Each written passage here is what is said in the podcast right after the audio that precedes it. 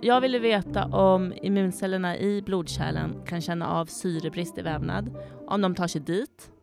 Och sen vill jag studera vad gör de? Kan det vara så att de är inblandade i nybildningen av blodkärl?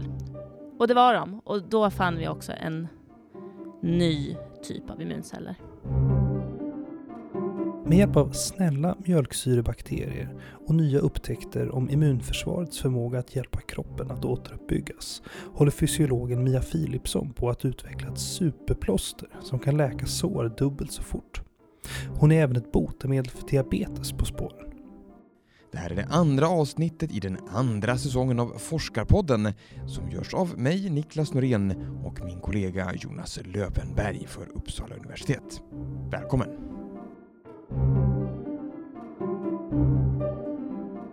Jag heter Mia Philipsson och jag är professor i fysiologi. Och vad forskar du på då?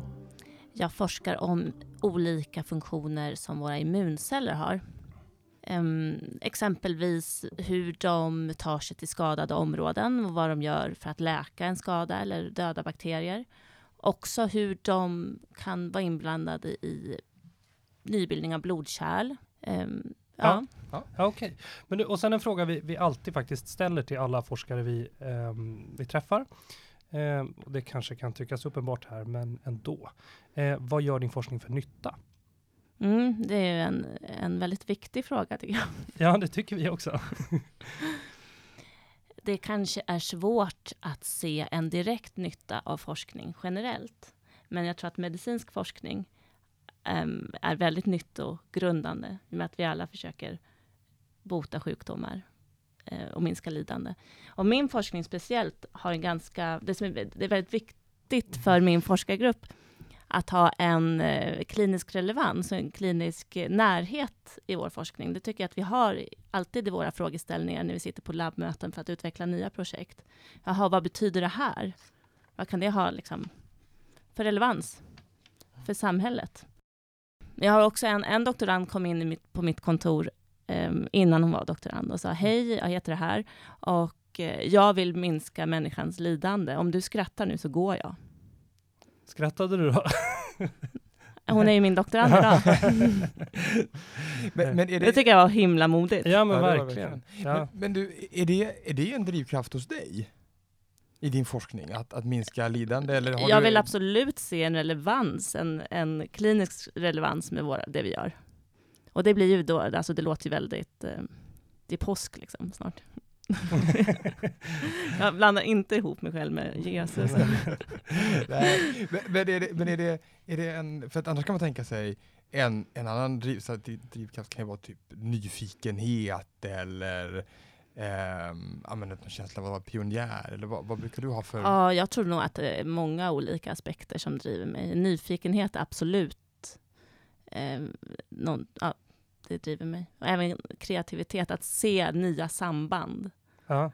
Eh, för kroppen är ju så otroligt genialt designad. Mm. Allting mm. finns där av en anledning. Det har uppstått på grund av att det är bäst för kroppen på det här sättet. Det är min grundinställning. Och sen går det fel ibland. Um, men att vi ändå kan förutsäga att det här... Um, det finns liksom en bakomliggande orsak till varför vi designade på det här sättet. Men vi kanske inte ser alla olika aspekter. Alltså för er som inte ser Mia så bara skiner hon upp när hon säger att kroppen har, är så fantastiskt designad. Du, för du är ju professor i fysiologi. Mm. Och eh, fysiologi, är det då alltså är det läran om kroppen? Ja, läran om kroppen och hur de olika organen i kroppen samverkar. Eh, för jag vet att du forskar väl också i immunologi? Ja. Ser jag då? Och mm. vad är det? Det är? Det är läran om immunsystemet. Okay. Och klassiskt sett, eller historiskt sett, så har immunologi framförallt handlat om hur våra immunceller reagerar på eh, smittoämnen som bakterier eller virus. Okej. Okay. Mm. och det studeras alltså separat från då resten av kroppen?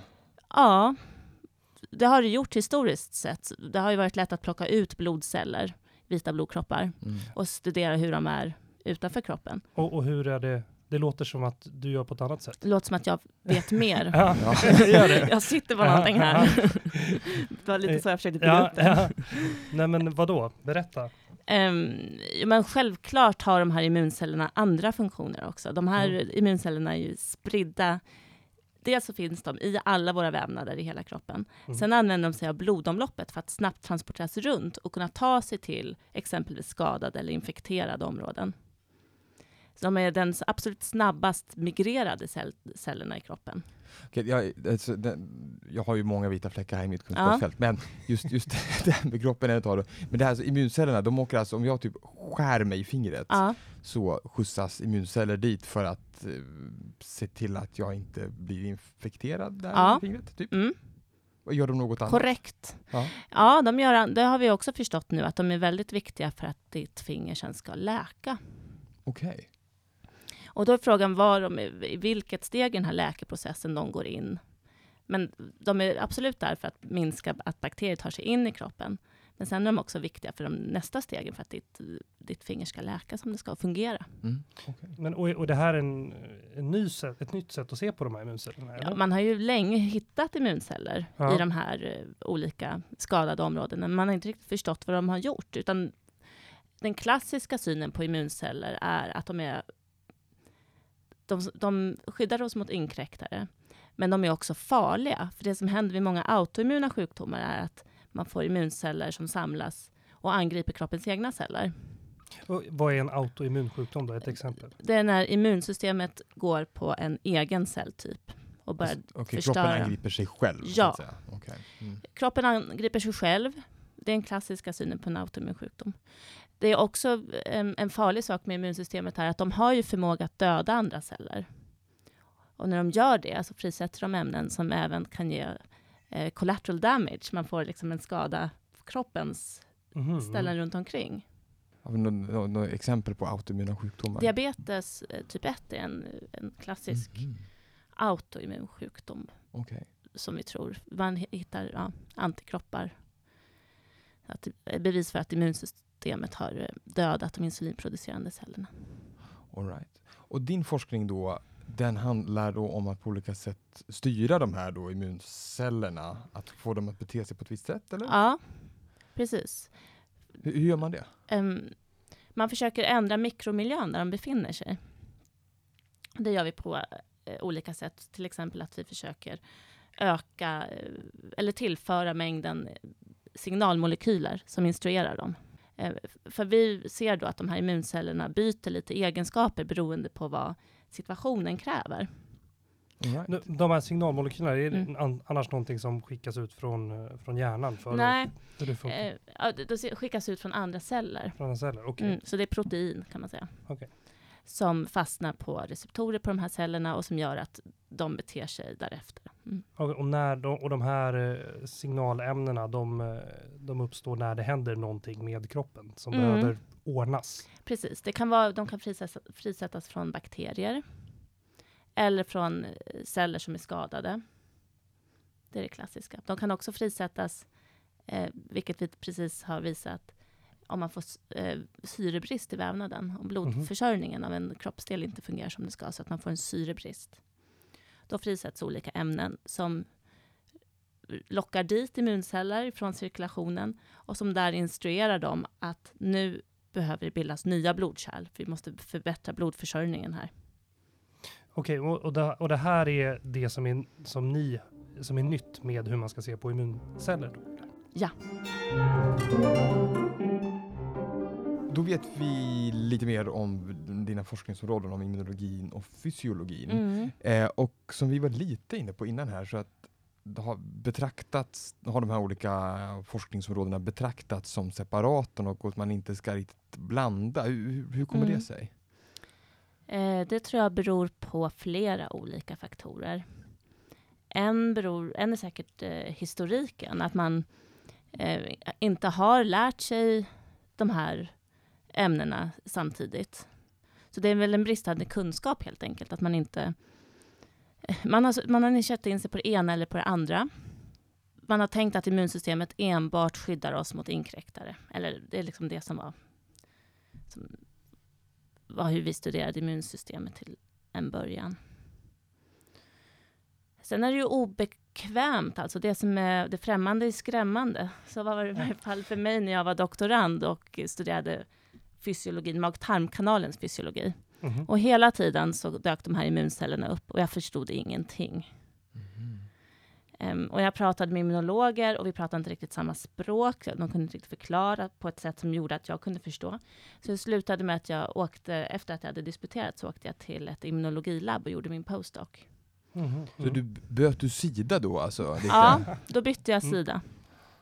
Och det var jätteskrämmande, delvis för att immunologin um, karaktäriserar de olika cellerna utifrån ytmarkörer. Mm eh, som inte har någonting med funktion att göra. Alltså, Eller ibland har det kanske det, men inte... Man, man, efter utseende alltså? Ja, efter utseende. Och dessutom så, så kallar de de här ytmarkörerna för CD, följt på ett, av ett nummer.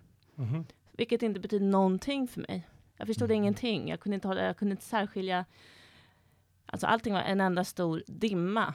Men, men för, för, i fysiologin, då, då, karaktäriserar man dem efter funktioner då? Då eller? tittar vi efter, vad gör det här? Vad gör de här cellerna? Mm. Och det tog ett tag innan jag insåg att mina frågor som handlade om, okej, okay, vad gör de i den här situationen? De var inte ett dugg dum, dumma. Det var faktiskt så att de andra kunde inte heller svara på det här. Men ni pratade olika språk? Ja. Jag måste bara, är det här, är det vanligt det här mellan, finns det forskningsområden som liksom ligger nära varann Finns det fler fall? Där jag är övertygad förstår? om att det finns. V vad gör man åt det? Ja, vad gör man åt det? Det blir bara värre och värre, för kunskapsmassan ökar ju bara också. Så att, att liksom förvänta sig att en person ska kunna förstå ja.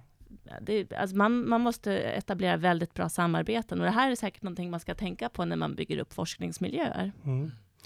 Jag undrar, jag måste också bara, finns det liksom en, om vi funderar på hur forskarskrået är Eh, på sin arbetsplats finns det kanske problem med någon stolthet eller någonting också mm. som, som gör att det är svårt att gå och knacka på dörren en korridor Absolut. ner. Absolut. Liksom. Ska ju alla vara kunskapssprängda och att ja. då erkänna okunskap, det är, kräver en viss del ja. mod alltså. Men, men ditt erkännande här någonstans, som, mm. som du berättar om här, mm. är det liksom skälet till att du har kommit hit där du är idag också då? Det är säkert, och det kan jag säga, det berodde inte på att jag är en större människa, mm. utan det berodde på att jag hade en väldigt, väldigt begränsad tid att göra min postdoc på. Okej. Okay. så jag var tvungen att finna svar. Jag var tvungen ja. att fråga och fråga och fråga tills det att jag kunde mm. förstå hur jag skulle gå tillväga att liksom, studera det jag ville studera. Ja, så det var helt enkelt, liksom, jag var tvungen att vara helt prestigelös. Och, och när, man, när ni gör försök, hur, hur går de tillväga? Jag tänker fysiologi, testar man på människor eller eh, mm. sitter man och räknar eller hur gör ni? Um, ja, men vi har flera olika angreppssätt där. Vi arbetar ju en hel del med sövda möss. Okej. Okay. Um, ehm, där vi kan visualisera olika organ i kroppen och så tittar vi på vad, hur ser det här ut och när vi har tillsatt eller gjort en skada eller tillfört något um, bakterieämne eller om det är hypoxi, eh, syrebrist. Eh, vad sker då med immuncellerna? Alltså att man söver musen och, och söver musen, öppnar upp den och, mm. och tittar vad händer när vi eh, häller på, kan inte säga. Eller liksom, man, man, tittar på vad som händer i, i Ja, mycket, mycket okay. av det vi börjar med är att liksom visualisera. Ja. Vi har ett jättebra eller flera jättebra mikroskop och möjligheter att göra det här. Okej, men är det, är det, det, är det speciellt att ni faktiskt, som du säger, visualiserar, att man faktiskt ja. tittar på det och inte, mm. ah, okej. Okay. Det skulle jag säga är en, eh, en styrka, eller någonting som är lite unikt med oss, och som också är helt baserat på eh, den fysiologi som jag kan, så att vi har möjlighet att se till att blodtryck och temperatur och allting ska vara så stabilt som möjligt för att vi ska kunna lita på det vi ser. Men okej, okay, men varför, okay, varför titta? Jag, jag tänker så här att om man, om man, kan det inte vara ett trubbigt instrument att, säga, att titta på någonting för att det kanske händer någonting inombords eller det kanske inte blir någon förändring eller alltså visuell förändring? Eller? Mm, ja, men vi, vi har ju förstås en frågeställning till grund. Jag kan ge ett exempel, det kanske är lite enklare. När jag kom tillbaka från min postdoc i, som handlade då om immunologi och handlade om hur immunceller tar sig från blodet till en skadad vävnad.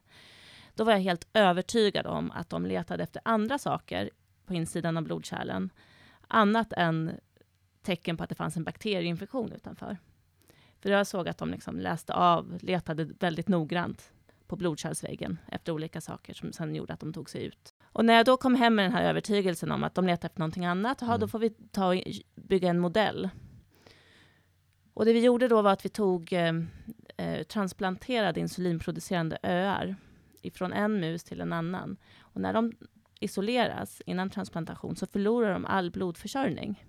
Och det gör att de drabbas av syrebrist. Och då måste de sen förlita sig på att nya blodkärl bildas. Mm. Och då var min fundering, gör, bildas nya blodkärl och är immunceller involverade i den kärlbildningen? Mm.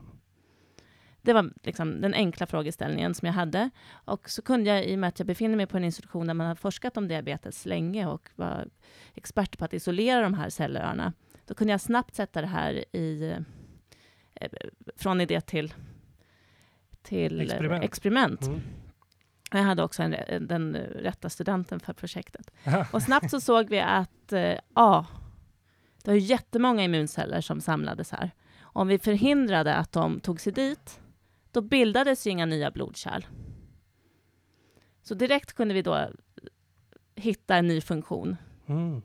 Men det vi fann, som också var väldigt spännande, det var att de här cellöarna bildade väldigt många eh, blodkärl. De återfick det kärlnystan som de har ursprungligen när de sitter i bukspottkörteln. Ehm, och det var ju ett bifynd som jag egentligen inte hade tänkt på. Eh, men då kunde mina kollegor här förklara för mig att men det här kan vara väldigt kliniskt intressant för de diabetiker som behöver transplanteras med cellöar eh, för att de har en väldigt svår behandlad diabetes. Mm. Så nu undersöker man om det här kan vara en, en möjlighet att eh, Okej, och vad, och vad, vad, vad botar man eller vad hjälper man diabetikerna med då i, i? Det är ju en- komplicerad fråga för att det här, idag så handlar det om att man transplanterar öar från avlidna donatorer med det absoluta målet att göra den här diabetikern frisk så att den inte ska behöva mer insulinsprutor. Men det Okej. måste hela tiden vägas mot den immunosupprimerande behandling som krävs efter en sån här transplantation. Och vad betyder det? För att du ska kunna ta vävnad från en annan människa så måste du dämpa ditt immunsystem.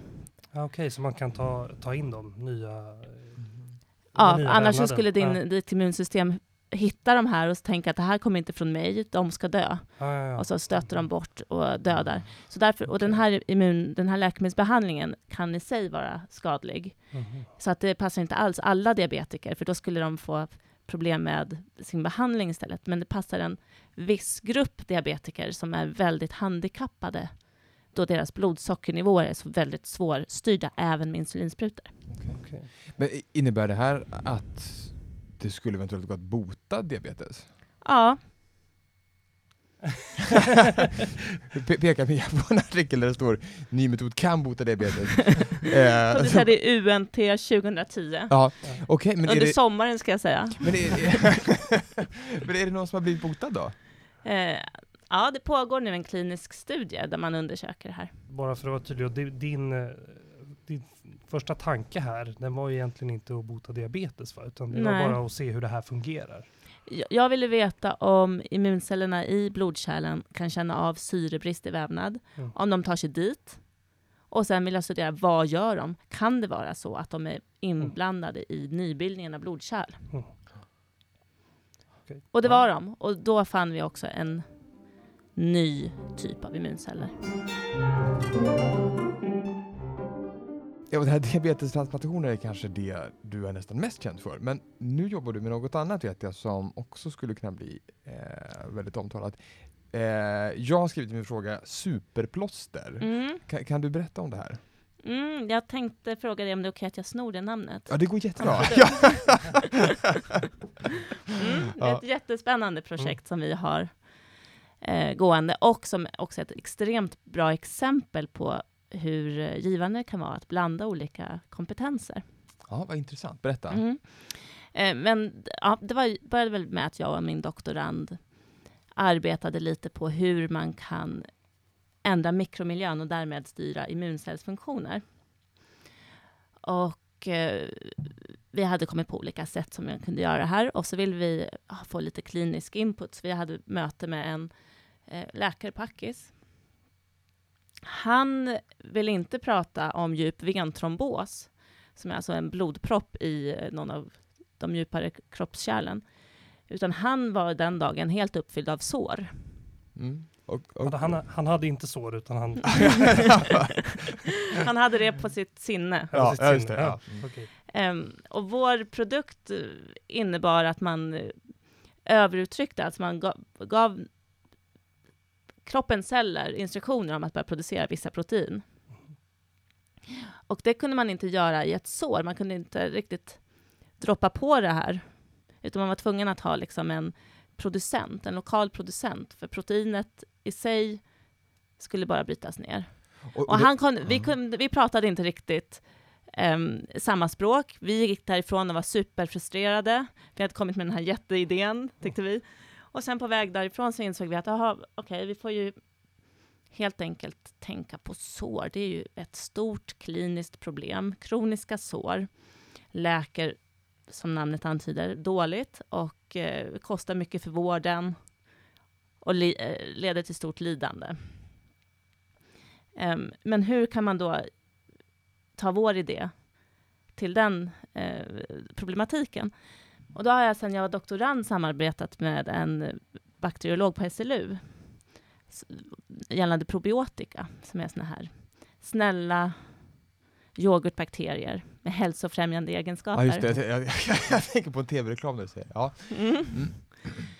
Så då var vår idé att man skulle ta de här snälla bakterierna och göra dem till eh, proteinproducenter och hälla rakt på såret.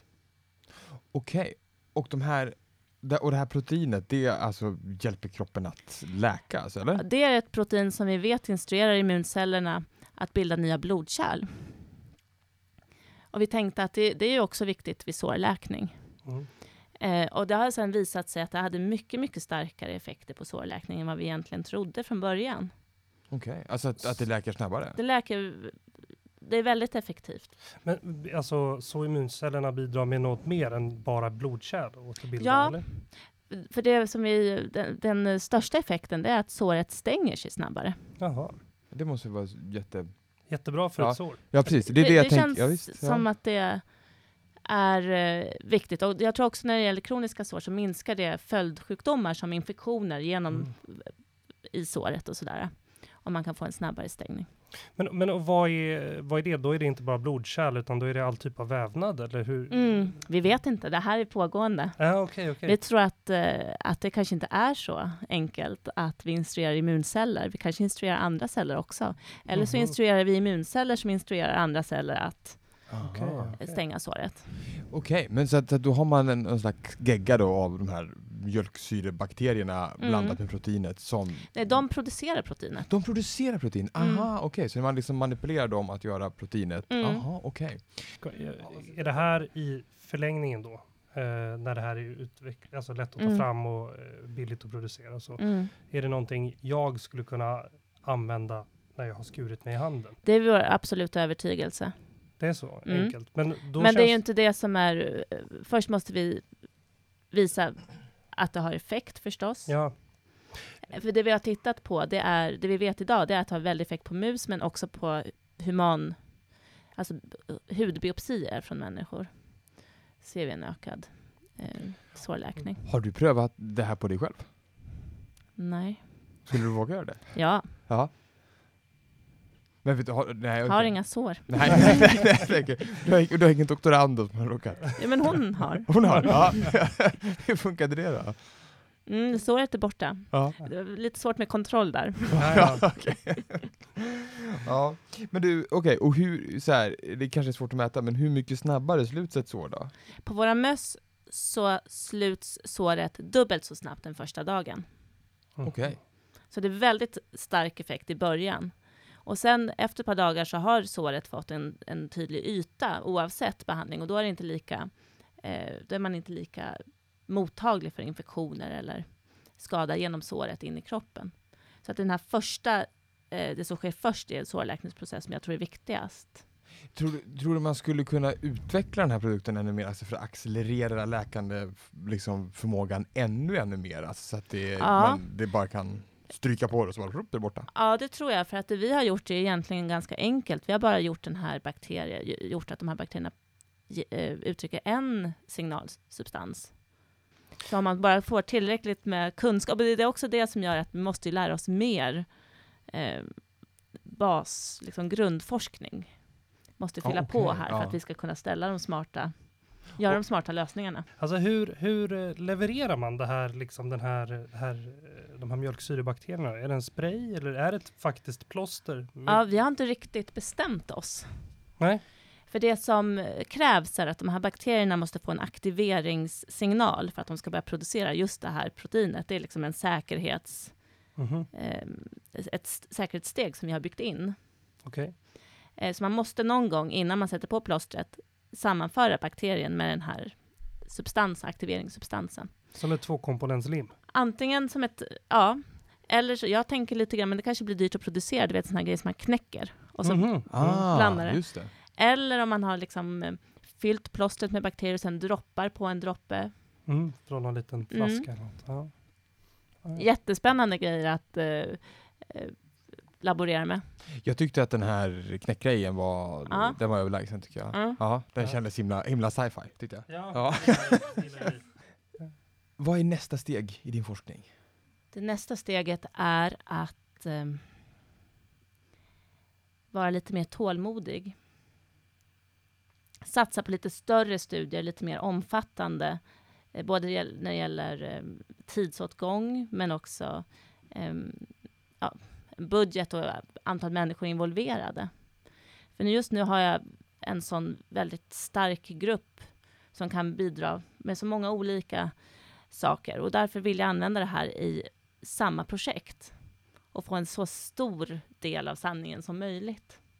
Det är någonting som jag tycker att jag har varit lite dålig på. Jag har varit eh, lite för snabb på att skicka iväg och berätta all, för alla. Åh, kolla vad spännande! Mm. Det är ju bra, men det, är, det genererar inte riktigt de här riktigt stora studierna. Och nu tränar jag på att bli mer tålmodig. Det var några frågor Mia. Tack så mycket för att vi fick komma.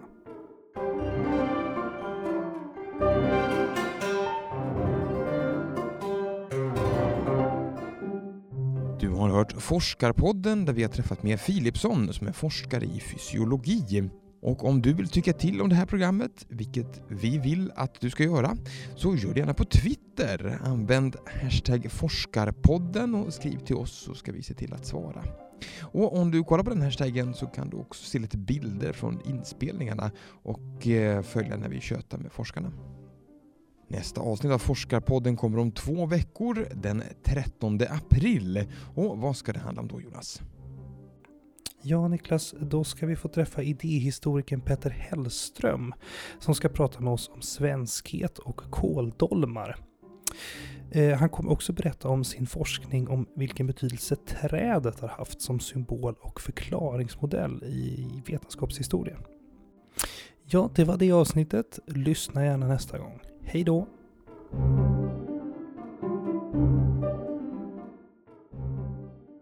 Du har hört Forskarpodden, en produktion av Piggelkott Media för Uppsala universitet med musik av Marcus Sjöblom.